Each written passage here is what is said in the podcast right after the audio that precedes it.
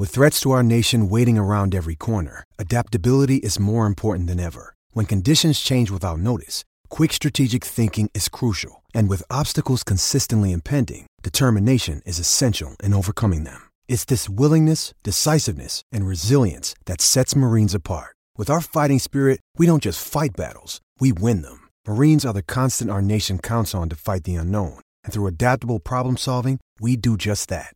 Learn more at marines.com. James. Dennis corner for Dirk. Five seconds. Dirk for three. A zaj, nincs egyszer a végén, ha battog a spalding Minden nap élmény, blokkok és zsákok Na gyere megmutatom, ez NBA szerelem Keleten, nyugaton, robban a zaj Nincs egyszer a végén, ha battog a spalding Minden nap élmény, blokkok és zsákok Na gyere megmutatom, ez NBA szerelem Keleten, nyugaton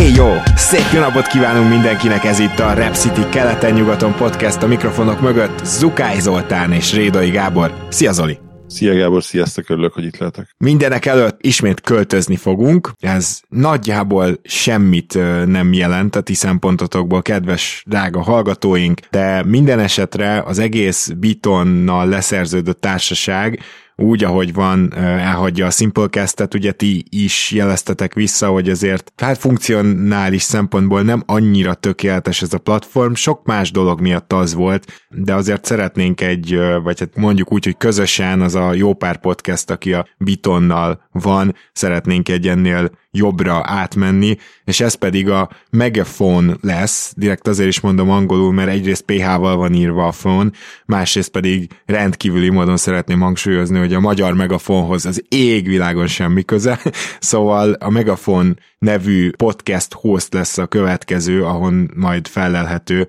a Rap City keleten-nyugaton podcast, és ugyanúgy teljesen elvileg zöggenőmentesen minden egyes platformon meg fogtok találni. Azokat érintéz legjobban, akik direktben a Simplecast-ről szedték le a podcastet. Nyilván mondjuk nagyon sokan a kezdőötös cikken keresztül, és ott természetesen már majd az új link fog megjelenni, illetve az új hostunk, de hogyha valaki tényleg csak a Simplecast-et figyelte, az április hatodika után majd már ne azt figyelje, nyilván mindenhova, ahova csak elképzelhető, ki fogjuk írni az új úgymond honlapunkat, hiszen a Simplecast-en is van egy a Rap City kötőjel, keleten kötőjel, nyugaton kötőjel podcast.simplecast.com, na egy ugyanilyenünk lesz majd a Megafonnál is, és akkor minden további infót majd a következőkben csepegtetünk, de még egyszer mondom, semmilyen fennakadás nem lesz, legalábbis ezt szeretnénk az átállásban, és nektek pedig teljesen ugyanúgy meg fog jelenni a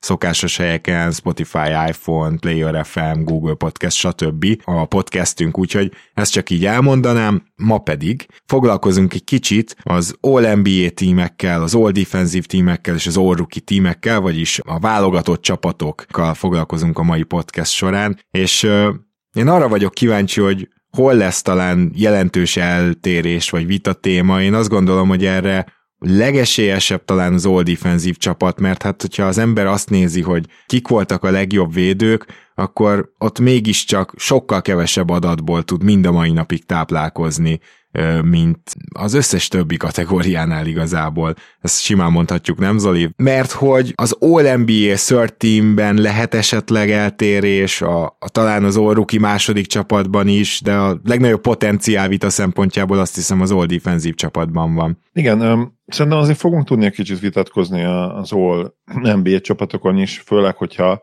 ugye erről beszéltünk az adás előtt, hogy meg lehet esetleg azt is csinálni, és ha már így alakult, hogy meg lehet, akkor meg is próbáltam Jokicsot és Embidet is ugye az első csapatba rakni. Ez azért megindított egyfajta lavinát, és itt tök egyértelmű, hogy, hogy lesz olyan kimaradó az első csapatból, aki mellett érvehetnénk, hogy ott lenne a helye.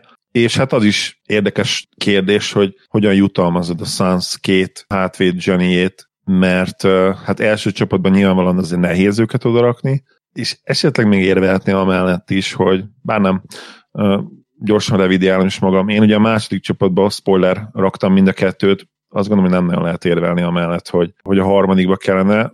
lehet, hogy te például is, te akkor ne spoiler ezzel kíváncsi leszek, hogy Steffet vagy a másodikba, vagy a harmadikba raktad, mert hogyha a, harmadik, hogyha a másodikba raktad, akkor logikusan az egyik srácot le kellett döngölnöd a harmadik csapatba. Lehet, hogy nem ez a legjobb kifejezés, inkább le kellett löknöd, ez uh-huh. talán jobb a harmadik csapatba. De azon se fogunk szerintem vitatkozni, mert igazából lehet, lehet érvelni mind a kettő mellett. Tehát nyilván, hogyha csapatsikert díjazzuk, akkor ott kell lenniük a másik csapatba. Hogyha egyéni tökéletességet, egyéni impactet, akkor meg persze lehet még annak ellenére is ugye, hogy a brutál MVP-nek induló szezonja nem sikerült olyan jól végül Stephnél, de azért lehet érvelni amellett, hogy a másik csapatban legalább ott helye. Nagyon jó helyen tapogatózol, de azért itt tegyük hozzá, hogy nekem itt az All NBA-nél ugye sokkal kevésbé, illetve szerintem mindannyiunknak sokkal kevésbé kritérium a csapat szereplést díjazni, mint az All-Star-nál. Tehát nyilván nem lehet szó nélkül hagyni, de itt jóval kevésbé lesz ez szempont,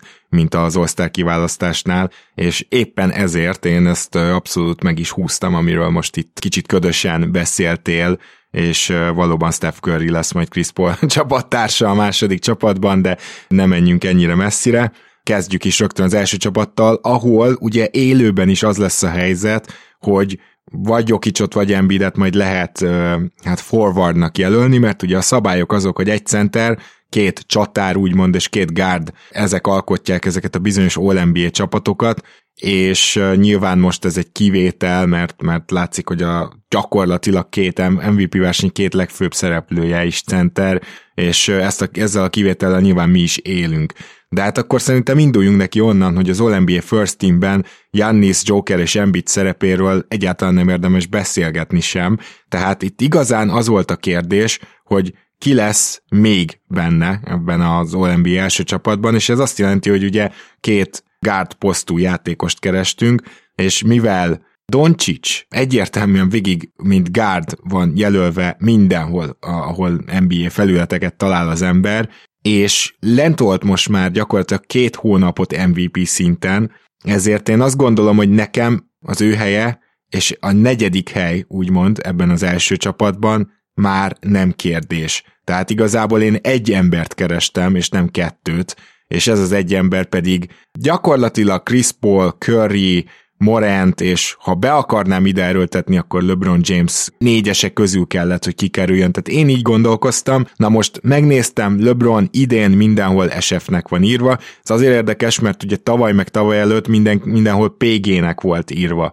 De mivel most folyamatosan játszott mellette vagy Monk, vagy szóval játszottak mellette úgymond irányító-szerű játékosok, ezért valamiért idén SF-nek írták, például a Basketball reference így James kiesett ebből a történetből, és ezért végül Morant lett Doncsics párja nálam hátul. Nálad hogy alakult az első két poszt úgymond az OLMB első csapatban? Biztosan sokkolni fogunk mindenkit ezzel, hogy tök ugyanez lett az első csapatom.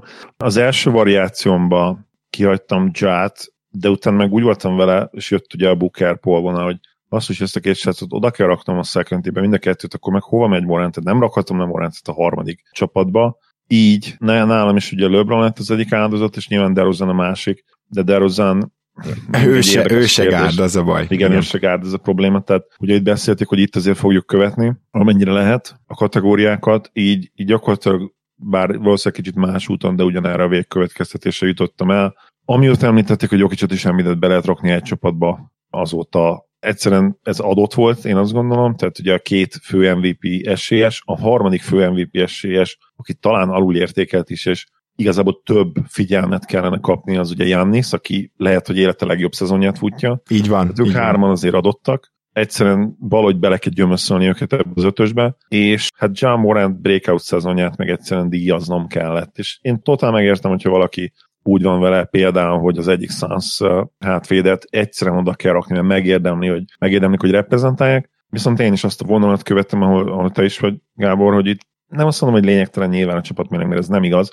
de legalábbis nem kell feltétlenül annyira súlyoznunk, és lehet más szempontokat is találni. Hozzáteszem, hogy ahogy Booker mostanában játszik, az azért egészen elképesztő, tehát most ő is MVP formában van, de az egész szezon tekintve, és főleg nekem ugye az advanced statok miatt, amik még valamiért érdekes mondom, még mindig nem szeretik annyira, tehát egy, egy olyan kiemelkedő csapatban, amilyen a Suns lesz, amelyik nyerhet akár 67-68 meccset is, nem lesz advanced statok terén annyira kiemelkedő Booker. Bizonyos statok szeretik, ugye egyes védekező statok szerint most ugye nagyon jó hátvédposzton, de érdekes módon mégsem az összimpact valahogy még nincs ott, lehet, hogy az jövőre az utolsó ugrás neki úgymond az egyértelmű top 7-8 felé, és mondjuk egy, egy legit MVP státusz felé. Szóval ez megnehezítette, de összességében, bár más úton, ahogy mondtam, de ugyanide kanyarodtunk el. Igen, Bukert a Raptor szereti nagyon, a LeBron kevésbé. Egyébként a két fő, még az estimated plus-minus-t ide citálhatnám, de főleg egyébként a, a Raptort és a LeBron-t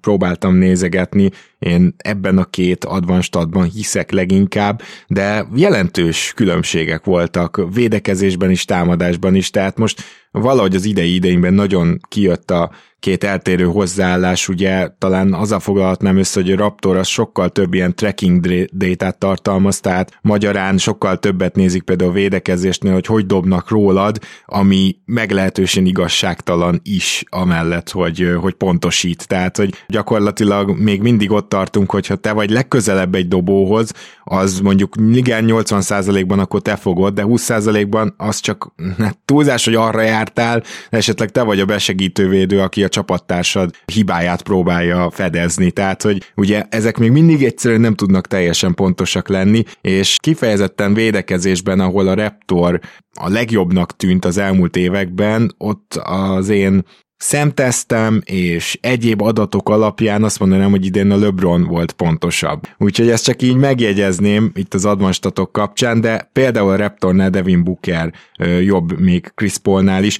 Na de akkor menjünk át ugye a második csapatra, amit már félig meddig kitalálhattatok szerintem az eddigi beszélgetésünkből, és hát kíváncsi vagyok, hogy tök ugyanaz lesz de akkor annyi valószínűség van, hogy nálam ugye Curry van Chris Paul mellett, nálad meg akkor Booker hátul, és nyilván LeBron James neked is itt van, úgyhogy, úgyhogy akkor még két ember hiányzik. Igen, ez a két ember nálam Towns és DeRozan. Nem tudom, hogy nálad is-e. Nem nálam Durant és Towns, de nagyon szoros volt ez a történet nyilván. Igen, én is ugye két abszolút gondolkodtam.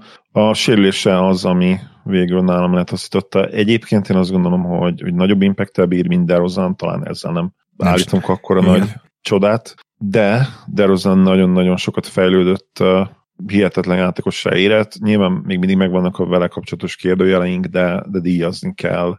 De az nem lehet kérdés, hogy valamelyik All NBA csapatban ott a helye idén. Biztos vagyok benne, hogy lesznek, akik az első csapatba rakják, és nem lehet majd ezeket a véleményeket semmibe venni, mert tényleg annyira erős volt ez a szezonja, hogy akár még érvehetnek én is amellett, hogy lenne a hely az első csapatban. Igen, szóval itt az, hogy DeRozant valószínűleg lehet jelölni forwardként és guardként is, az lehet, hogy jót tesz majd annak, hogy ő esetleg az első csapatba is kerüljön, de én ennek ellenére sem sajnálom, hogy a harmadik csapatba került. Félelmetesen erős a mezőny. És még Carl Anthony Towns-ra kitérve, nyilván itt két ember versenyzett, igazából három Bemadevajóval, de az ő tényleg hosszabb kiesése azt mondatja velünk, hogy két ember versenyzett, Carl Anthony Towns és Rudy Gobert, és Rudy Gobert szezonját nem lefitymálni akarom azzal, hogy Towns elé raktam, hanem igazán Towns szezonját, aki nyilván védekezésben még mindig közepes alatti, tehát még a közepes szintet se üti meg a posztján centerként, de támadásban egészen félelmetes szezont hozott, és Rudy Gobert pedig most ugye minden páratlan évben, vagy minden páros évben, attól függ honnan nézzük, de minden második évben úgy kiváló védő, hogy a csapata az nem védekezik kiválóan. Én nem értem ezt a jazznél, hogy az egyik évben top 3, a következő évben meg 10-be alig vannak benne. Most ez éppen az az év, ahol Gobernek a, az egyszemélyes védekezése nem tudta kihúzni a jazz a saját hajánál fogva, úgymond. Végül ez döntött én azt hiszem, de ez is egy szoros verseny volt, erősíts meg, vagy cáfolj szoros verseny volt, ugye Gobert, tehát nem szabad leírni soha. Nagyjából tudjuk, hogy mit kapunk tőle, de azon intervallumon belül még így is képes meglepetésekre, és helyenként egészen domináns támadó meccseket is lehozni. Nyilvánvalóan ez nem konzisztens, tehát ő nem, ezért nem egy 20 pontos játékos a, a maga hát közepes támadó készségeivel, mint mondjuk Dwight volt. Azért Dwight Howard nem véletlenül volt ott, ahol. Gobert nem ennyire agresszív talán támadásban ez hiányzik, szerintem belem egyébként nagyjából minden más tulajdonsága megvan. Talán egy picivel azért robbanékonyabb atléta volt. Cover viszont ugye hosszabb, biztos, hogy lényegesen jobb büntetődobó. Bár Igen. ugye el kell nézni statokra. Hát most ugye volt egy-két rosszabb éve Gobernek is, de azért a Dwight Howardi igen. alacsonyságokba nem, nem igazán tudott lesírni. Igen, igen, igen, nekem is így rémlik, bár ugye rég néztem Gobert szezon statjait egyébként, illetve karrier statjait, bocsánat. Úgyhogy Tánzt azt tette itt különlegesebbé, úgymond számomra ebben az évben, hogy és itt kicsit bejátszik a csapat mérleg, és hogy visszatért Minnesota. És szerintem, hogyha keleten lennének a T-Wolves, azért valószínűleg simán, simában bejutnának a play ba Ugye több mérkőzésük lenne keleti csapatok ellen, a keleti borzasztó csapatok ellen, illetve én azt gondolom azért, hogy, hogy idén, ugye tudom, hogy ez, ez örökös vita téma közöttünk, de azért az, hogy, hogy idén például a Mavericks, aki hát épp hogy harcol, ugye a hazai pályáért nyugaton, keleten azért ugye az első helyért is mehetne. Tudom, hogy ez, ez árnyalt, meg ugye keleten inkább playoff csapatok vannak, akik ott lehetnek erősek, de, de összességében azért idén is nyugatot erősebbnek érzem. Még akkor is, hogyha talán a, a top 4 az erősebb ugye keleten, vagy főleg a, főleg a playoff inkább azt mondom, hogy a rájátszás viszonylatában, mert egyébként mérlegre ugye a top 4, a nyugati top 4 megsemmisíti a keleti top 4-et. De mindegy, ez egy másik vitatéma, és majd szerintem a rájátszás előtt vitatkozhatunk róla. A lényeg az, hogy a, a Wolves uh, úgymond visszatérését szerettem volna díjazni ezzel, és persze Towns is szerintem, mint a all játékosa a lehető legjobb eddig. Még mindig van hova fejlődni, ahogy mondtad, főleg védekezésben, de passzjátékban is nyilván, mint big man shooter, az egészen elképesztő. Ugye ő saját maga megkoronázta magát, mint minden idők legjobb magasember dobója. Nyilván, hogyha mindenféle dobás módot választunk, akkor azért ez szerintem dörké még mindig ez a korona, de ha csak és kizárólag a triplázásról beszélünk, akkor nem kérdés, hogy Towns nem, hogy minden idők legjobb triplázó centere, hanem szerintem konkrétan legalább akkora az űr utána, mint mondjuk Steph és a következő triplázók között az ő maga kategóriájában. Igen, és uh, itt akkor viszont a harmadik csapatban már kiindultunk abból, hogy van egy Goberünk nyilván, de hát uh, nyilván van egy vagy DeRozanunk az én esetemben, vagy egy Durantünk a te esetedben, tehát itt már kettőt Igen. egészen biztosan tudunk, és nekem még kettő olyan volt, még két olyan emberem, aki fix volt, sőt, én azt mondom, hogy, hogy nem okozott nehézséget a maradék kiválasztása sem. Nálad például tudjuk, hogy akkor Curry van még itt, úgyhogy két Igen, nálam ugyanannyira egyértelmű volt Curry a harmadik csapatban, és számomra egyértelmű volt Tédom is. Amilyen szinten játszik mostanában, és amilyen szinten a Celtics van jelenleg, azt megint csak díjaznom kellett, úgyhogy Tédom is egyértelmű volt, és az utolsó pozíció volt kérdéses. Igen, és itt egy nagy bajban voltam egyébként, mert, mert Sziakamot nagyon-nagyon szerettem volna berakni, de egyszerűen ahhoz ki kellett volna hagynom. Trét, aki annyira zseniális támadásban, hogy csapatmérleg ide vagy oda, a szenvedésük ide vagy oda, egyénileg annyira zseniális a támadó oldalon még egyszer, hogy, hogy ezt egyszerűen nem, nem lehet nem díjazni, és gondolkodtam azon is egyébként, hogy Sziakam kédi tédom, de hogy ott eleve ez a hármas, egyikes sem kvalifikál guardként, tehát ott picit csalni is kellett volna így, így végül a Gober KD, Tatum, Trae Young, és ugye nálam itt akkor Steph Curry, akit szintén azért nem lehetett kiadni a harmadik All-NBA-ből. Hát igen, ugye nálam DeRozan itt van a harmadik csapatban, de ugye Tatum, Gobert már nálam is adott, és teljesen egyetértek vele, Tatum hozta a szokásos február és március első felei MVP futását, és nem volt túl jó előtte a szezonja, ez kétségtelen, de ezzel, hogyha a Doncsicsot egészen az első csapatig emeltem, akkor Tatumot is be kell emelnem ide a harmadik csapatba, és igen, Trae Youngot nem lehet kiadni, és ezért megszakad a szívem, de ez azt jelenti, hogy Siakamot viszont ki kell, mert nekem ugye Devin Booker ide csúszott le. Tehát nálam Trae Young, Booker, DeRozan, Tatum, Gober a harmadik csapat, és Siakam be kell, hogy valljam, hogy akár Butler előtt beraktam volna, Garland előtt beraktam volna Mitchell előtt, Donovan Mitchell előtt, akiért szintén egy kicsit fáj a szívem, mert jó kis szezont hozott, de Siakam így se félt be, és ez nagyon durva. Most abba belegondolva, hogy mennyire elképesztően erős ez a három All NBA csapat idén. Tehát ö, olyan félmetes sztármélység van most a ligában, ami, ami nagyon-nagyon ritka, mert itt azért azt mondanám, hogy Trae Young ezzel a teljesítménnyel volt olyan év, mondjuk a 2000-es évek elején biztos, hogy, hogy simán első csapatos lett volna, és most meg így a harmadik csapatért itt küzdünk, hogy ő, ő vagy esetleg Siakam, de a poszt miatt ugye Trae Young. Hagy tegyem azt hozzá, amit te mondtál vele kapcsolatban, hogy csapatmérleg ide vagy oda, hogy Trae Youngnál nem állja meg ez az érvelés a helyét amúgy se.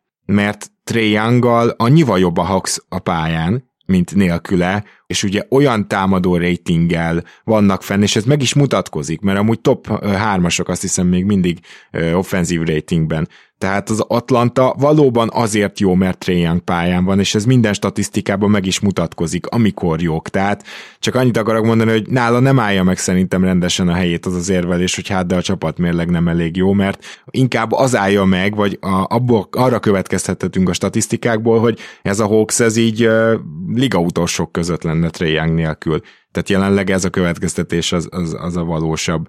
Jó, bármit a kimaradókról esetleg, Zoli, én még Murray-t említeném meg például, hogy nyilván nem kerülhetett be, de lehet, hogy egy negyedik csapatban már ott lenne, mert szenzációsan játszik az all óta. Mitchell, aki még ugye felmerült nálam, és totál egyetetek abban, hogy a, nem mondtad így ki, de valószínűleg egyetértesz te is, hogy, hogy ez volt a mondatod lényege, hogy talán soha nem volt ilyen mély a liga, ami a sztárokat illeti, és szerintem ez még a következő két-három évre mindenképp így marad, de lehet, hogy még tovább mélyül. Egyébként szerintem mindenkiről beszéltünk, aki, aki akár bármilyen szinten érdemben megérdemelni, ugye az All-NBA csapatokat. Jalen Brown kihagyott ugye meccseket, illetve nem volt ő sem azért olyan szinten egész évben, Bem jó szintén kihagyott meccseket. Igen, Bem, Bemről beszéltél, ő mostában nyilván borzasztóan erősen játszott, de most a hétnek volt egy rossz sorozat, ahol ugye nem feltétlenül volt ő a helyzet magaslatán, de előtte gyakorlatilag azt gondolom, hogy jól NBA szinten játszott, akár ilyen második csapat szinten is. Nem tudom, hogy kimaradt-e valaki, ugye Sziakámról mm. beszéltünk, elég sokat. Én megemlítettem Garlandot, még igazából nagyjából ennyi, tehát... mindenkit lefettünk, igen. Aki itt tényleg szóba jöhet, mert Lamelo, meg nem tudom, McCallum, meg Fred Family azért nem jöhet szóba itt már. Igen. Akkor viszont Zali, kérlek mondd, hogy mi alapján tudtad az all defensív első és második csapatodat egyáltalán összerakni, és hm. hogy néz ki nálad az első csapat, mert nálam egészen, hogy is mondjam csak, félelmetes volt az, hogy itt uh, nyilván nincs egyes, kettes, hármas, négyes, ötös poszt, tehát nem klasszikus értelembe vett csapatot állítasz össze, de, Igen. de azért itt a magas embereknek a fölénye az most nem csak statisztikai, és én arra gondolok itt kifejezetten, hogy mind a ketten, te is, én is szeretjük a nagyon jó perimétervédőket, de a legnagyobb hatású védők idén azt gondolom, hogy valóban négyes, ötös poszton találhatóak, és egy kicsit így az első csapatot nem tudtam igazán NBA csapatként összeállítani. Érdekes helyzet ez, mert itt is vannak annyira adott nevek, Nyilvánvaló volt, hogy valakit a százból be kell raknunk, számomra. Ha valakit be kell raknunk a százból, az is tök egyértelműen kit rakunk be. Ugye Bridges egy hely, ő kapott némi, ugye a Defensive Player of the Year évvédője, hype is, nyilván nem annyit, mint a szokásos hatalmas előnyben lévő magasak, akik ugye mindig ott forognak a közszájon, van ilyen? Igen, van. Van ilyen, szuper. Nem, egyszer nem tudom ezt a Góbel gyereket kihagyni. Tehát ő is adott volt. Tehát amikor azt akarod már, és azt akarod látni statokban, hogy jaj, már ez azért ki, kipukkad ez a Luffy, nem pukkad ki, ez a Luffy ez egyre nagyobb, és nem, ez lehet, hogy soha nem fog kipukkadni, ez már egy rohadt nagy hőlékbalon, ami Gobert az évvédé, és az, az igazság, hogyha ha nem akarnánk, és már tudom, hogy itt az akarnánk alatt itt már az amerikai sportúságírókat is értem, ha nem akarnánk már annyira kreatívan gondolkodni azon, hogy hogyan ne adjuk Gobernek, akkor lehet, hogy megkapná idén is, de... Már de az évvédője díjat. Az évvédője díjat így van, de, de nagyon kreatívak lesznek, és nem neki fogják szerintem végül most már idén odaadni, hanem inkább,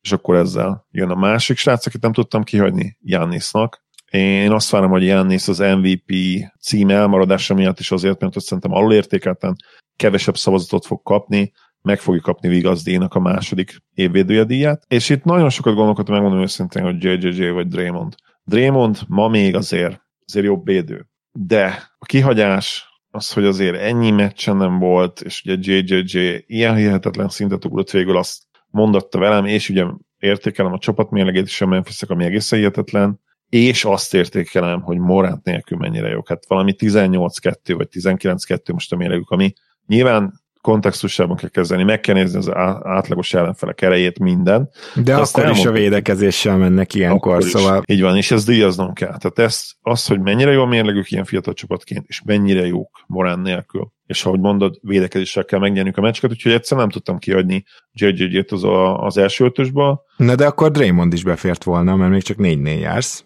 Beférhetett volna, így van, de szerettem volna egy klasszikus, line és szerettem volna Celticsből is díjazni valakit, és kit tudunk most díjazni, akit szerintem szintén visszatérő szezont hoz, mint abszolút elit, hihetetlen perimétervédő, az pedig Smart. És így végül igaz, hogy Draymond védőzseni, igaz, hogy szinte egy maga tette elitté idén ugye a Warriors védekezését, bár ugye utána se voltak rosszak, miután kiesett védekezésben, a támadás hullott szét sokszor, még hol mi, mert ugye a Warriorsnál ez az elmúlt pár hónapban van bőven probléma, tehát volt támadásban és védekezésben is, de lényeg az, hogy, hogy itt, itt úgy voltam vele, hogy, hogy a Smart és Bridges az egy olyan, olyan hátvéd duo, amit és nyilván Bridges máshol is játszhatott kis csatárként is, de hogy az olyan klasszikus védő duo nekem, amit így elképzeltem, hogy megkeseríti akár a legnagyobb sztár duók életét, és hogy, hogy végül ez, ez lett az ötösöm.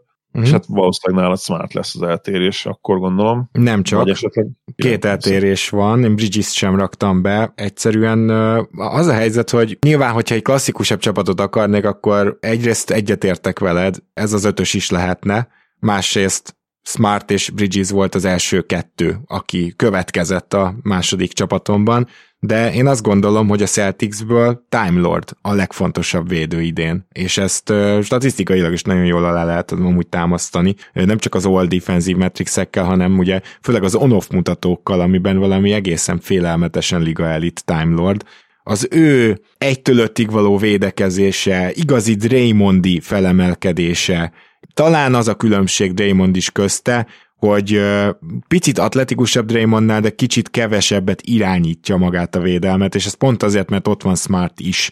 De ettől függetlenül mindent tudott idén védekezésben, ezt használta ki a Celtics, azt gondolom, hogy a, a Celtics védekezés felemelkedési neki köszönhető elsősorban, és csak másodszorban a tényleg visszatérő Smartnak, ezért nálam Time Lord van az első csapatban, és nálam befér Draymond is, mert egyszerűen védekezésben még mindig összességében többet tud hozzárakni, mint Bridges.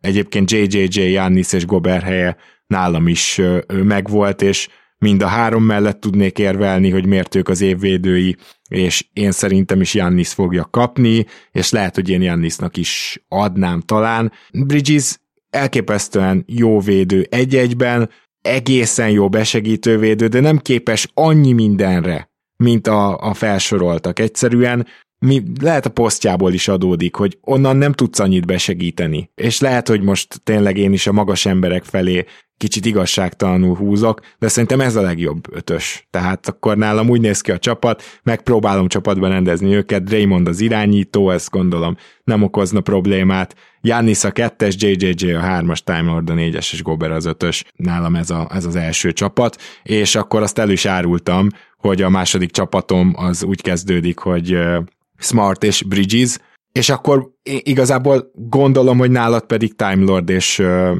Draymond ott van, tehát hogy... hogy Jól gondolod. Igen. Nagy eltérés nem lehet csak itt a cserékkel. De hogy ezután mi jött, tehát, hogy azt a másik három embert uh, igazságosan kiválasztani, az nekem uh, okozott egy álmatlan éjszakát, szóval tényleg nagyon nehéz. Még három játékosra azt mondani, hogy kiemelkedett a többiek közül, mert itt sok játékos jön, aki közül tudnál választani. Így van, és az igazság, hogy azon csapatok, amelyek elit csapatvédekezést játszanak idén, én nyilván a Mavs innen kiveszem, mert a Mavericks hiába játszik elit csapatvédekezést, nincs olyan játékos, akit idén legalábbis még azonosítani szeretnénk, mint potenciális. Én azt mondom, hogy akár a leg, legjobb három-ötösbe belefér. Tehát őket ki, kiraktam ebből a variációból, viszont a Suns nyilván itt van. Tehát a, hogyha megnézed például az egyéni defensív ratingeket a ligában, akkor gyakorlatilag kisajátítja a Phoenix és a Boston. De nem feltétlenül, és ugye ide jön Josh Green, mint az abszolút kakuktojás egyébként negyedik helyen, vicces, ugye a Dallasból, ő szakítja meg egyedül Phoenix és a Warriors dominanciáját a top 10-ben. Mármint a Boston. Egyéni védekező, Igen. Egyéni védekező statok. Egy sima defensív rating alapján egyébként. Ezért máshol akartam keresgélni. Tehát egyszerűen nem fogom nyilvánvalóan berakni imádom Gary Payton the second de nem fogom berakni egy All NBA second csapatba. Egyébként gondolkodtam rajta. Nálam is jelölt volt, és nálam sem Nem biztos, be. hogy nagy őrültség lenne, de nem. Azt mondtam, hogy eh, még nem, majd talán jövőre. Nyilván Cameron Paint biztos, hogy nem fogom berakni az irányító posztra. Tök jó, és ott kicsit egyébként edukálni is kellett magamat a, a védekezésével kapcsolatban, mert én valamiért úgy voltam vele, hogy ilyen szelebúrdi játékos. Szóval ahogy, ahogy egyre több Suns meccset néztem, meg olvastam róla az elmúlt hónapokban, rá kellett jönnöm, hogy ő nem, hogy nem rossz védő, hanem rohadtul jó védő. Mm, én ezt jó. már, már túlzásnak érzem, a rohadtul jót. Egyértelmű, hogy ezért nem szabad, a defensive rating tényleg nem a legjobb erre, mert, mert ha egy csapat elit módon védekezik. A plusz minden védekező oldalán statja, hogyha nem csal az emlékezetem. Nyilván erre rákeresek akkor egy pillanat. Ez is lehet a szanszhatás. Én úgy emlékszem, hogy ott van a posztján a legjobbak között szinte mindenben. Várjál, mert most nézek egy LeBron-t, jó? Cameron Payne, aha, hát LeBronban a középmezőny eleje, tehát de itt 400 játékos néztem, úgyhogy azért az, az nem olyan extra, és Raptorban pedig 116. összességében, és valóban a védekezése kicsit előrébb van, tehát ha azt nézném sorrendbe, akkor most már tényleg kíváncsi vagyok, és érdekel, akkor 69 Tehát... Top 10-et uh, lőd már a mind a kettőben, ha már itt témánál vagyunk, ugye, hogyha top 10-ekről beszélünk, kíváncsiak a top 10-re. És... Először szerintem menjünk végig a, a csapaton, és akkor utána, mert Jó, nyilván az az érdekes, hogy ki az, aki ezekben top 10-es, és mégsem merült igazán föl. Abszolút. Jalen Brown, egyszerűen nem, nem volt szívembe rakni. Tudom, hogy nagyon-nagyon jó egyénileg, nagyon-nagyon erős. Tédum is ott van, de róla meg tudjuk, hogy Tédum nagyon érdekes. Tehát ő három-négy éve elkezdett statisztikai elitvédekezés játszani, és meg úgy valahogy nem találkozott ez a szemtesztel. Aztán ugye átfordult, jött az a, az a Kobe időszaka, amikor hihetetlen chuckingba átment, és mindenféle szart rádobott, és ott a védekezés is visszaesett. De idén megint hihetetlen elit szintre visszaér, de ennek ellenére nem tudtam berakni a másik ötösbe, de rajta is gondolkodtam Brownon is, és Tédomon is. És végül Dashon Murray-ból lett az egyik, akit kiválasztottam, uh-huh. aki szerintem azért, azért egészen hihetetlenül jó szinten van, és egyszerűen kellett valaki a Cavs-ből, akit kiválasztok, úgyhogy így esett végül ellenre a választásom, és itt abszolút kimaxoltam azt, hogy, hogy nem érdekel. A poszt úgymond, mert ugye ellen gyakorlatilag center, nem gyakorlatilag, hanem ugye tök egyértelműen Moblia az előcsatár, ő mozog többet. Így összeraktam egy Time Lord Ellen Draymond hármast, ugye Dejounte Murray-vel, és gyakorlatilag egy játékos maradt így ebből az ötösből, akit kíváncsi hogy ki fogsz tudni találni. Nekem nagyon sok jelöltem van, valamennyit, valamennyit segíts. Jó.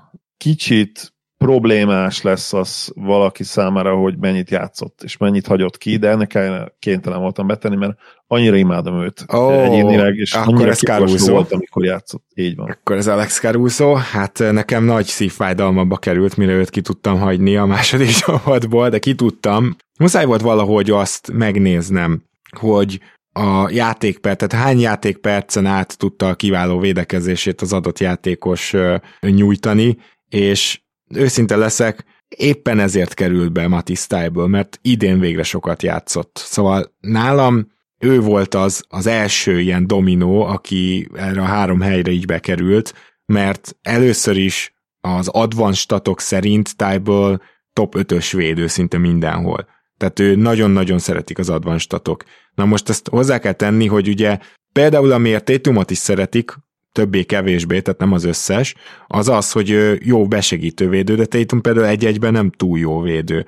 Tyburnál viszont ugye nincs ilyen panaszunk, ő egy-egyben is meglehetősen jó védő, sőt, ő szerintem egy-egyben még jobb, mint besegítő védőként. Hát Luk, Lukát levette konkrétan egy meccsen, nem olyan rég, egy két, és fél, két hete körülbelül. Mm. Nyilván szupersztároknál tudjuk, hogy sokszor az se ér semmit, ha, ha tökéletes védekezést csinálsz rajtuk, de credit, where credit is due. Uh-huh hihetetlen volt azon a meccsen, tehát uh, olyan szinten piócaként volt rajta, és nem is faltolt sokat. Aki esetleg nem követi annyit, de azt a meccset nézte, az ott uh, test közelben látta, úgymond, hogy milyen hihetetlen egyéni védő is ő valóban. És akkor uh, itt elérkeztünk Dejante Murrayhez, akit én is szerettem volna díjazni, és bevallom őszintén, egy kicsit meg kellett csavargatnom magam, hogy Murray bekerüljön a második csapatba, mert annyira elképesztően jó versenytársai vannak, de itt tényleg eljutunk oda, hogy díjaztam azt, hogy Murray igaz, hogy a támadó teljesítménye miatt is, de sokkal többet tudott pályán maradni, és ráadásul ugye én mindig nagyon szeretem a túvé játékosokat a sztárok között, és Murray valójában egy olyan valaki, aki óriási terhet cipel támadásban a Spursben, és ennek ellenére is gyakran fogja az ellenfél legjobbjait, és ennek ellenére is nagyon hát látványosan is jól védekezik. Így például Drew Holiday-t kiszorította nálam. Egyébként is az új Drew Holiday, már én felcímkéztem nem egyszer így, úgyhogy Dejante Murray nálam is bekerült, és a harmadik aki még itt van, az téged akkor nagyon meg fog lepni, mert gondolkoztam Moblin és Herbert Johnson is, de azt mondtam magamnak, hogy még rukik, még egy kicsit túl értékeljük őket védekezésben, meg akarom látni, hogy ez milyen és hogy van. Mobli azért nagyon közel volt, és akkor itt kell említenem nyilván caruso aki egyszerűen nem játszik eleget, Gary Payton, aki egyszerűen nem játszik eleget, Fred VanVleet, aki az advanstatok nem szeretnek eléggé, de egyébként ugye az ilyen típusú hustle statokban, hogy hányszor módosítja a labdapályáját, abban folyamatosan top 3 van egész évben. Tényleg meg fogsz lepődni, te simán kigolyóztad a dallas mi úgy, ahogy van, én meg ezt nem tudtam megtenni azzal az egy emberrel, aki szemre is irgalmatlan, hogy mit csinál védekezésben, mind besegítésben, mind egy-egyben, és az advanstatok is imádják, ő pedig Maxi Kleber, és ő többet játszott Paytonnál, és többet játszott Caruso-nál, úgyhogy nálam ő kerül még be. Hú, ez egy hihetetlen meglepetés számomra megmondani az összetét. Én, én nem is gondolkodtam Maxin. Tudod, miért nem gondolkodtam rajta, Gábor? Mert, mert mostanában annyira kiszerettem belőle, meg mi mevszurkolok, annyira kezdem kiszeretni szegényből a támadójáték, miatt, hogy jelen pillanatban én nem tudom, hogy van-e nála rosszabb támadójátékos a ligában. Biztos de, van, de igen, értem, van, mire mondjuk uh, talán csapattársa a nagyszerű Bertans idén eddig márciusban. Bertans eddig csak egy kis fun fact, mit tippesz, hány százalékkal dob a mezőnyből, és hány százalékkal triplázik eddig márciusban, és ugye most már március utolsó napjaiban járunk. Hú, akkor, akkor ez az lent lesz. Hát a mezőnyből, nem, először kezdem a triplával, szerintem mondjuk 29%-kal dobja a triplát. Aha, lényegesen lejjebb kéne menned még. Atya úristen, 19? Így van, pontosan terébe találtad. Hát akkor viszont a mezőny százaléka ennél nem lesz sokkal jobb, ami rémisztő. jobb. 28-29 százaléka tegnap néztem meg. És hát ilyen nyilván tudjuk, hogy ő mellett azért kőkemény elit védekezést tol, tehát nem baj, hogyha nem esik be, mert ő ugye 8 blokkot kioszt meccsenként, meg, meg 4 stílt, meg közben. Jó, félretéve tréfet, és nyilván nem fogunk Bártanszról beszélni sokkal többet. Egyébként meglepően kapar védekezésben, nyilván nem jó, de szívvel játszik, de hogy mi a franc történt vele támadó oldalon, az fogalm sincs. De Maxival sejtem, hogy mi történt, ő kezdi ezeket az apró sérüléseket, hát már úgymond a, a testén viselni, és én úgy érzem, hogy ez, ez ami őt befelső a támadó oldalon is. Tehát én őt olyan típusú játékosnak látom most már, aki állandóan sérült, tudod.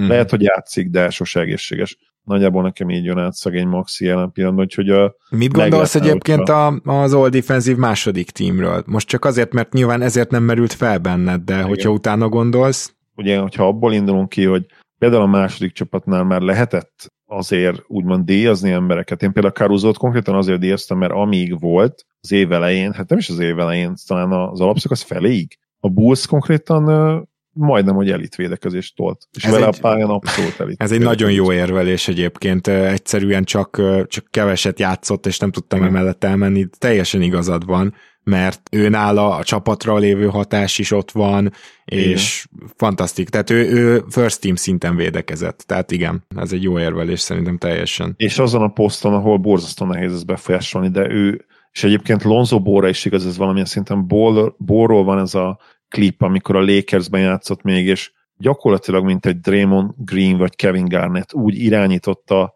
egy védekező possessionon belül az embereket, és háromszor, négyszer olyan gyönyörű readet csinált, ugye ez amikor olvasod a játékot, hogy hihetetlen. A mai napig fenn van YouTube-on, és elég magas nézettség van, nézzetek rá, hogy Lonzo Ball reads defense, vagy valami ilyesmi, Lonzo Ball defensive reads, és akkor szerintem meg kidobja a klippet. Na, Caruso ugyanazt csinálta, csak talán még egy picit, lehet, hogy nem alacsonyabb egyébként Caruso, mint Ball, lehet, hogy pont fordítva egy picivel, és azért volt ennyire zseniális ezt a kettőt nézni, mert mert fizikailag nem feltétlenül a legimpozánsabb játékosok, ugye Bolnak azért nagyon jó méretei vannak az irányító posztra, Caruso-nak már nem igazán a kettes posztra, de annyira intelligensek, annyira agresszívek, és annyira jók abban, hogy jó helyen legyenek jó időben, hogy ők gyakorlatilag ketten megcsinálták a Bulls védekezését, és, és azóta is látjuk, hogy, hogy nélkülük mennyire esett szét ez a dolog. Caruso, ha jól tudom, visszatért mostanában, Mm, ezt jól tudod, és én még szeretném megemlíteni azokat, akik így kimaradtak, de, de valahol itt mégiscsak említést érde, érdemelnek, ugye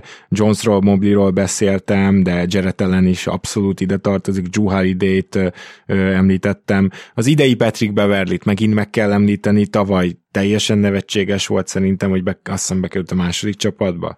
Mindegy, tehát szerintem a tavalyihoz képest ismét ő is egy ilyen visszatérő szezont hozott. Említettem ugye Fred említett Gary payton de még megemlítenék egy pár embert, és ezt úgy teszem, hogy te javasoltad. Jöjjön akkor a 538 Raptor mutatójának a védekezésben az eleje. Lesznek nagy WTF-ek, nyilván elsősorban centerek, nyilván elsősorban Jokicsra és Nurkicsra gondolok, tehát mind, mindannyian tudjuk, hogy nem, nem ott a helyük ebbe a listába, de a 538-nél a statisztikai modell szerint mégiscsak itt van. Tehát akkor Gober első, Jokic második, Caruso, Tybal, Gary Payton, Bema Debajo, akit szintén örülök, hogy itt megemlítünk, Jared Allen, Raymond Green, figyelem, El Horford, aki, igen, tehát van, amikor a, az egész csapat annyira jól védekezik, akkor, akkor lesznek ilyen jelenségek. Hogy Horford intelligens védő, hosszú, Persze. jó wingspan én, nem, én nem gondolom, hogy annyira kilóg. Egyébként Jokic Csalók nyilván... Nyilván a top 10-ből kilógnak mind a ketten, mint az állat. Eh, azért nem, azért nem tudod ezt megemészteni, ezt, amit beszéltünk a múltkor, hogy, hogy Jokic a védekezés, nem tudom, 90%-ában nagyon jó, és a 10%-ában rosszabb, mint bárki más a ligában. Tehát, hogy ezért nem fogod soha tudni behelyettesíteni, de főleg abban a rendszerben, inkább akkor úgy fogalmaznám meg, és talán ezzel egyetértesz, abban a védekezési rendszerben, amit a Denver játszik, abban az ő impactje igenis top 10-es a ligában. És most nyilván gondolkodhatsz úgy, hogy a play majd mi lesz, hogyha rájuk dobnak különböző támadó sémákat, ami teljesen legit, és lehet, hogy megint kapnak majd nem tudom 125-130 pontot a mondjuk úgy fontos a 6. vagy 7. meccsen, de hogyha itt azt nézzük, hogy az alapszakaszban, az alapszakasz teljesítmény alapján ki mennyire jó, nyilván az adott saját sémájában, akkor szerintem igenis ott a helye mind a kettőnek, mert abban, amit a Celtics, illetve meg amit a Nuggets játszik, gyakorlatilag mindenféle statisztikán keresztül értelmezve ott a helyük, és legit ott a helyük. Tehát abból szempontból nyilván kilógnak, hogyha azt nézed, hogy mit vársz el prototipikusan egy centertől, akkor jó kicsi még inkább, de még talán a Horford is kilóg ebből, de ugyanakkor meg érted, tehát mi, minden évben igazából jó is ott van, tehát előbb-utóbb szerintem el kellene jutni arra, hogy addig legalább eljutsz, hogy azt mond, hogy igen, amit tud, abban igenis elit, de amit nem tud, ami sokkal kevesebb, abban még mindig lehet pocsék, és az főleg a play nyilvánvalóan jelenthet nagyobb problémát, de ettől még szerintem lehet őt ö, értékelni is, mint védő, még nyilván, még ha nyilván azt kijelentjük, hogy soha nem fogjuk természetesen odaadni neki a Defensive Player of the Year, akkor se egyébként hozzáteszem, hogyha a Nuggets, nem tudom, jövőre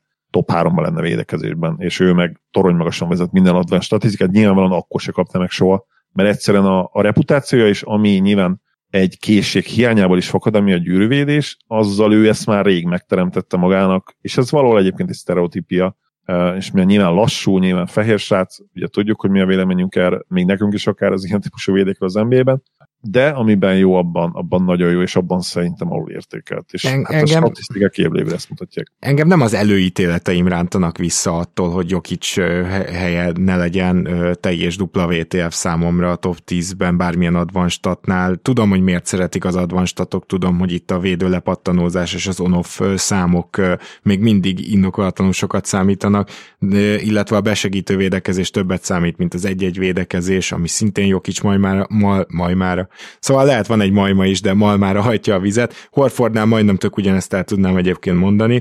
Ö, nem, hanem egyszerűen kapásból fel tudok sorolni nála 30 jobb védőt, aki vitathatatlanul jobb. Nyilván a center pozíció ugye egy kicsit felértékeli azt, hogy mit csinálsz védekezésben, és hogy meg tudta oldani egy egész rendszert köré szervezve a Nuggets, ez is sokat segített, illetve az is, hogy Horford a Celticsnek az idei védekezésébe egyszerűen sokkal jobban passzol, mint mondjuk a tavalyi Thunder történetbe. Tehát, hogy ezeket is figyelembe véve egyikőjüknek sincs semmi keresni valójuk a top 10-be, de lehet, hogy az advanstatok és az impactet befolyásoló dolgok azért mégis rendszeresen magasabbra értékelik őket. És ugyanez a vélemény Nurkicsról, és hogy mondjam tovább ezt a listát. A tizedik helyen óriási meglepetés jön, talán még minden eddiginél nagyobb, Kendrick Williams De, és, és azért szeretem, hogy ő itt van, mert nagyon keveset beszélünk arról, hogy milyen jó idén az OKC védekezésben, és hogy milyen iszonyatosan rosszak támadásban, mert hogyha, hogyha jók védekezésben, akkor hogy lehetnek majdnem utolsók, hát így. De Kenrick Williams van itt, aztán Embiid jön, Derek White, aki, na ő még talán egy valamennyire jelölt lehetne ott a második csapat környékén is, aztán jön 13. helyen Yusuf Nurkic, és megint ott tartunk, hogy szó nincsen róla, hogy, hogy ő neki itt kéne lennie, és akkor bocsánat, már 20-ig végigmondom, Javal McGee, kérem szépen, Robert Covington, igen, aki abban a Portlandben játszotta a fél szezont, Anthony Davis, Danny Avdia, Maxi Kleber, Robert Williams, és óriási meglepetés még egy, nem, nem hiszed el, ez csak a kis mintával magyarázható, Jelen Suggs a Magicből, újoncként. És amúgy Precious Achuva jön, meg, meg Lonzóból, szóval hogy itt szokásos nevek. Azért van itt egy pár kicsit megmagyarázhatatlan meglepetés, amire, ahogy Jokisnál is mondta, tehát évek mintájára nyilván fel kell figyelnünk. Jöhet akkor a LeBron? Persze.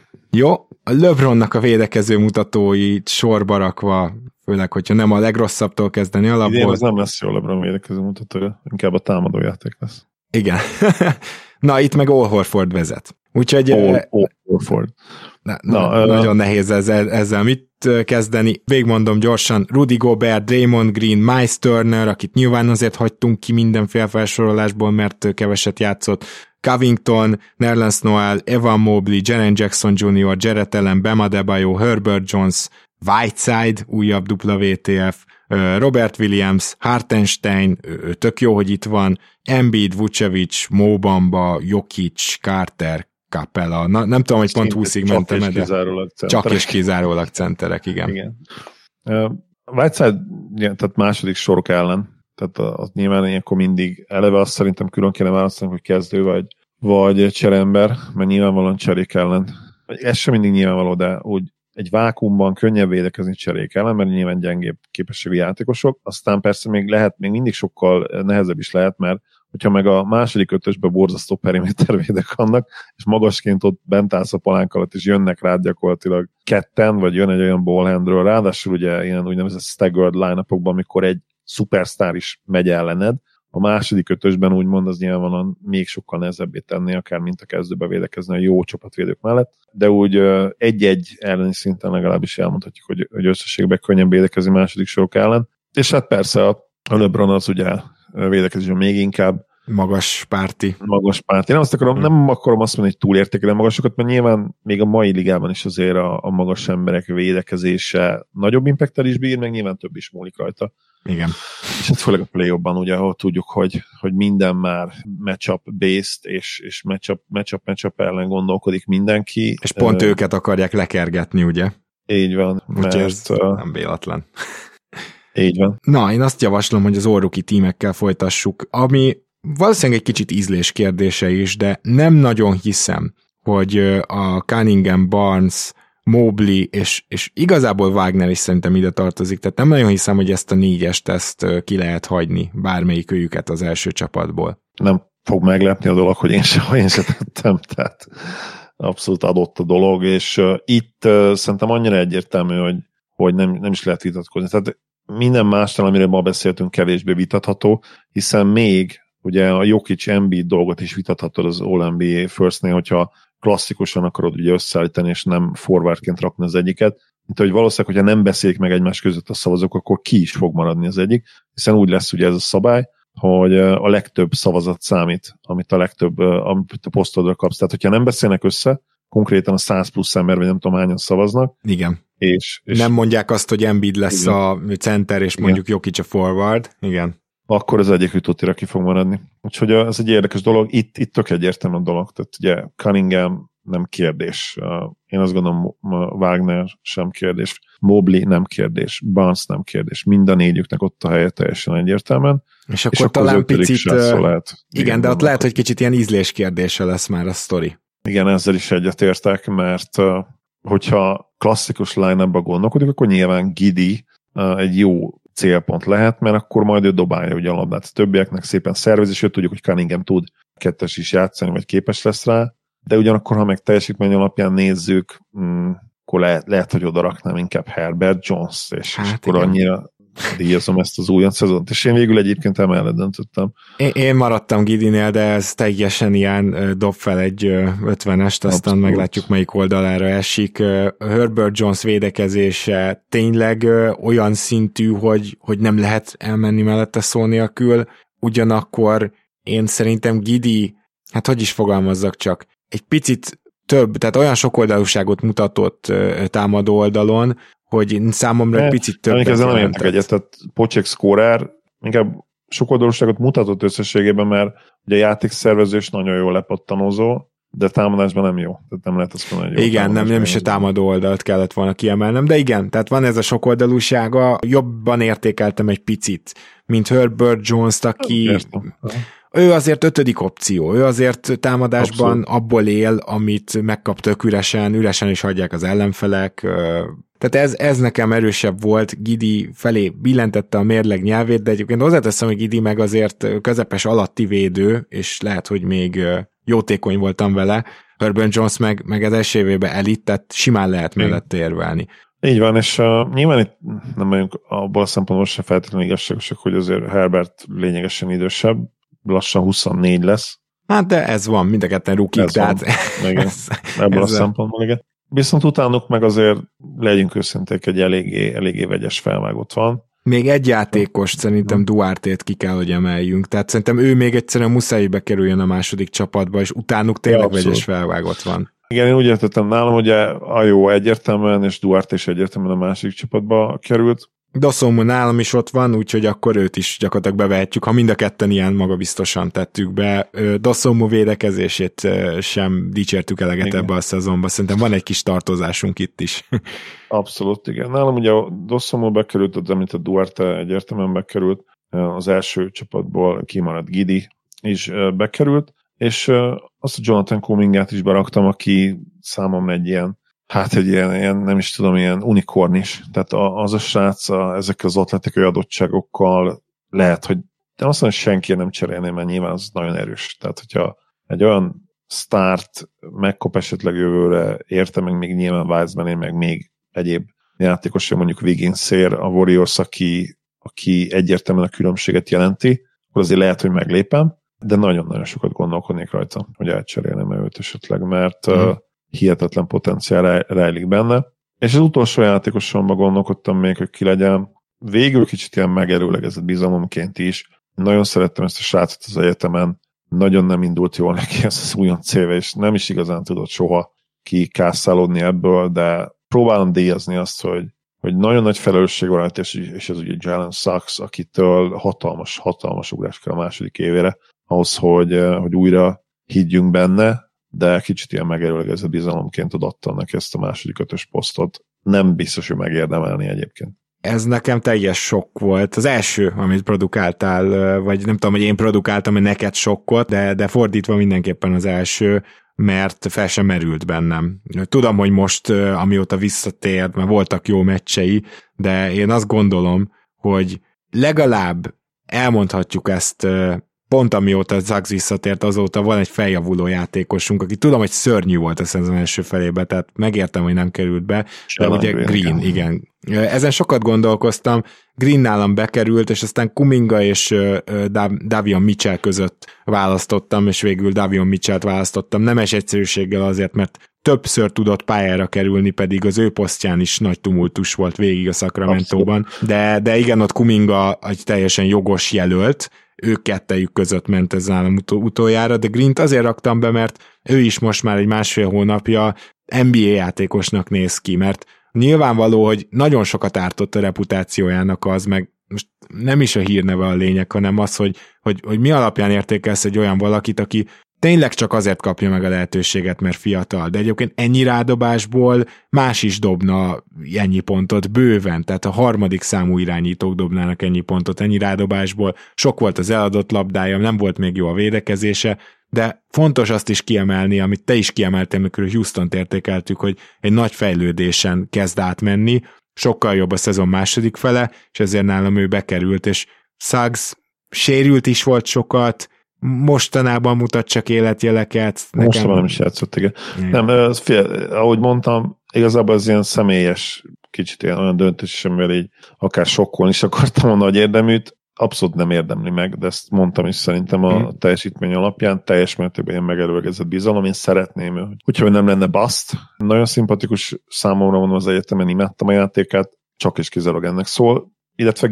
mondom Greennek teljesítmény alapján a múltkor is elmondtam az adásban, hogy tök egyértelműen itt lenne a, a helye, de azért is megyek magam azt mert viszont Green-től én meg sokkal többet vártam, megmondom őszintén, tehát én Green-t ilyen instant superstar prospektnek vártam, és ahhoz képest meg ő nekem nagyobb csalódás volt. Nyilván Suggs is hatalmas csalódás, de én még egyik, egyik őket sírnám le, egyébként is szerintem mind a ketten jövőre bizonyítják azt, hogy, hogy miért voltak ilyen magasan draftolva. Hát lehet, mondjuk Szágnál ez ugye ez a védekező mutató annyira hihetetlen módon meglepett, mert, mert ilyen ennyire pluszban lenni, igaz, hogy kevés meccset játszott, ennyire pluszban lenni véletlenül már nem tudsz a Raptorba volt ugye azt hiszem elől, tehát ez valamit jelent. A, a legnagyobb ilyen what the fuck dolog az a triplázás. Tehát, hogy ennyire homály, ennyire reménytelen legyen valaki olyan, akinek egyébként jó keze van. És dobálja is őket, tehát tévedés ne essék.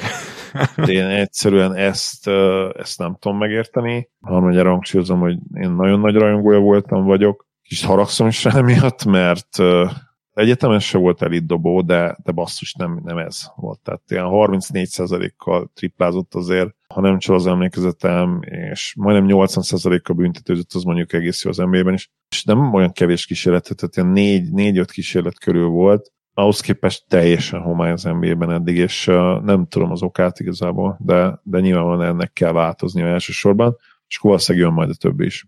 Aki nekem még itt komolyan felmerült a második csapatban az Alperen Szengün, egyértelműen, mert ő végig megkapta a játék lehetőséget, és ráadásul sokszor panaszkodtunk, hogy túl keveset is játszik, és lám most, hogy sokat játszik, egy-két brutális meccset is lehozott, tehát teljesen minket igazol. Úgyhogy ha valaki őt be akarja tenni a második csapatba, áldásom rá, és vannak olyan játékosok, akik a szezon bizonyos pontjain tudtak feltűnni, ugye nekem Kumingával is ez volt végül azért inkább a bajom, bár Davion Mitchell sem kezdte statisztikailag jól a szezon, de például a védekezésben végig jó volt. Quentin Grimes, Nation, mármint Highland Bones-t, vagy Nation Highland, ugye ilyen néven került mm. még be a Nuggetsbe, ott ezt a névkérdést majd egy te egyszer eloszlatod.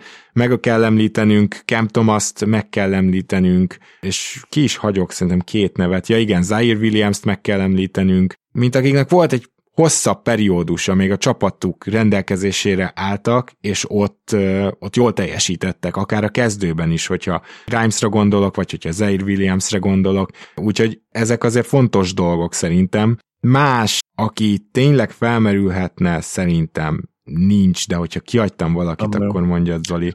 Nem nagyon, és nyilván nem csak Green, hanem Davion Mitchell is, akit említettél, természetesen jobban megérdemelni a második uh, csapat uh, kezdőposztját, de mondom, megerőlegezett bizalom. Kicsit úgy éreztem, meg kell magyaráznom a döntést, és szerintem sikerült.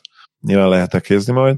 Tréman, igen, még bocsánat, csak hogy ne, nehogy, nehogy kifelejtsem, kiemelkedő igen. meccsei voltak, és őt, őt nagyon nagy tehetségnek tartom, olyan játékosnak, akire most nem figyelünk fel, és aztán két-három év múlva látjuk, hogy jé, úgyhogy majd őt azért még nagyon figyelgetjük. Igen, és uh, kiadtunk valakit, akit uh, egyik kedves nézőhallgatón felhívta a figyelmet ránk rá a múltkor újoncadásból. Ki is volt az? Zaire Williams, úgyhogy most direkt azért is igyekeztem uh, beszélni róla. Szuper. Nyilván, nyilván a statjai alapján azért semmi extra, sőt, de tök jó volt látni azt, hogy ő, mikor Brooks, Brooks megsérült, bekerült a Grizzlies kezdőjébe, és ott védekezésben és támadásban is bele tudott illeni abba az Igen. hihetetlen erős csapatba. Utolsó dolog tényleg a Sachs témával kapcsolatban, hogy amiben egyébként meglepő, az egyik a védekezés, a másik pedig a büntető kiarcolása abban, abban egészen jó. Már ugye majdnem négy büntetőt kiarcol meccsenként, ami újoncként nem rossz.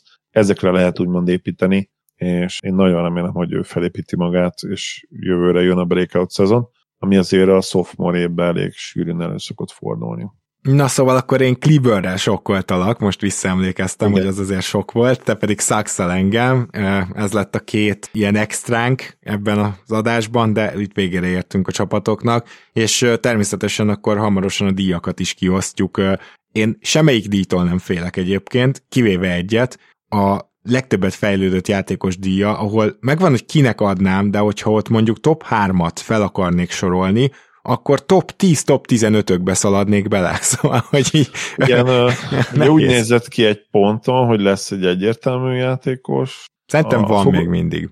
Hogyha fogod irodákból indulunk ki, fogod irodakód célból, akkor van. Na minden, meglátjuk, hogy uh, mi tudunk abból a témából kihozni, az biztos, hogy van sok olyan játékos, például ugye John Morant is, aki szóba kerülhet ennél a D-nél. Szóba kerülhet, igen, mondhatjuk így is.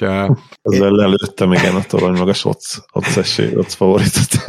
még, még egy díj van nyilván, ahol egyszerűen biztos vagyok benne, hogy legalább négyféle első helyezetnek lehetne, vagy négy első helyezetnek lehetne odaadni a díjat mindenféle lelkiismert fordulás nélkül, ez pedig az évegyzője. Szóval az a helyzet ezekkel a díjakkal, hogy nagyon izgalmasak idén, szokatlanul, nyilván a keleten-nyugaton díjak szoktak igazán izgalmasak lenni, most szokatlanul izgalmasak lesznek az NBA díjak is, úgyhogy azzal is jövünk hamarosan, illetve ha minden jól megy, akkor hamarosan jön az az adásunk is, ahol egy vendéggel, egy megsz, ilyen szempontból megszokott vendéggel végigmegyünk azon, hogy melyik playoff csapatot mitől féltjük. Mitől féltjük a, igazából főleg a contendereket, nem is a playoff csapatokat, és ez idén nyilván extra adás, hiszen a Suns talán kiemelkedik, lehet, de összességében nincs három-négy jól kiemelhető contender, hanem ugye nagyon egybe van a mezőny, legalábbis az alapszakasz alapján, úgyhogy én ezt mind a két adást már nagyon várom. Zali, köszönöm szépen, hogy itt voltál ma is.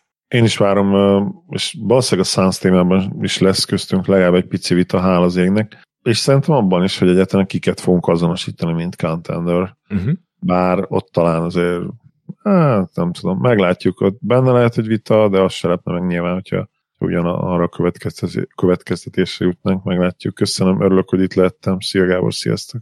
Kedves hallgatók, azt is nagyon köszönjük, hogy támogattok minket, patreon.com per keleten-nyugaton, már forintba is be lehet állítani. Hamarosan jövünk ezen a héten, ha minden igaz, akkor szombaton jön a következő adás. Ne feledkezzetek meg arról, hogy költözünk, de közben feledkezzetek meg, mert véletlenül semmilyen zökkenést nem jelent majd. Minden jót kívánok nektek, sziasztok!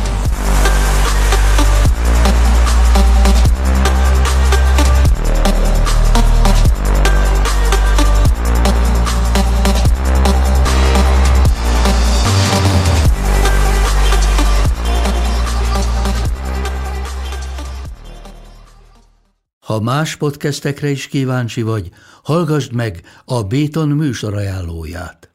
El tudod képzelni, hogy a podcastet, amit éppen most hallgattál, fél év múlva már a mesterséges intelligencia generálja? Mi sem. De ha érdekel, eljötte már a gépek lázadása. Hallgass bele az Embertelen podcastbe. Orsós Lajos vagyok, a műsor házigazdája. Egyelőre még élőben. Egyelőre. Fedezzük fel együtt, hogyan ismerkedik, randizik, mesél és vitatkozik Betty és Péter, két teljesen mesterséges intelligencia. Lajos, a podcast címét mond még egyszer, Léci. Oké. Okay. Embertelen podcast. Ez a műsor a Béton közösség tagja.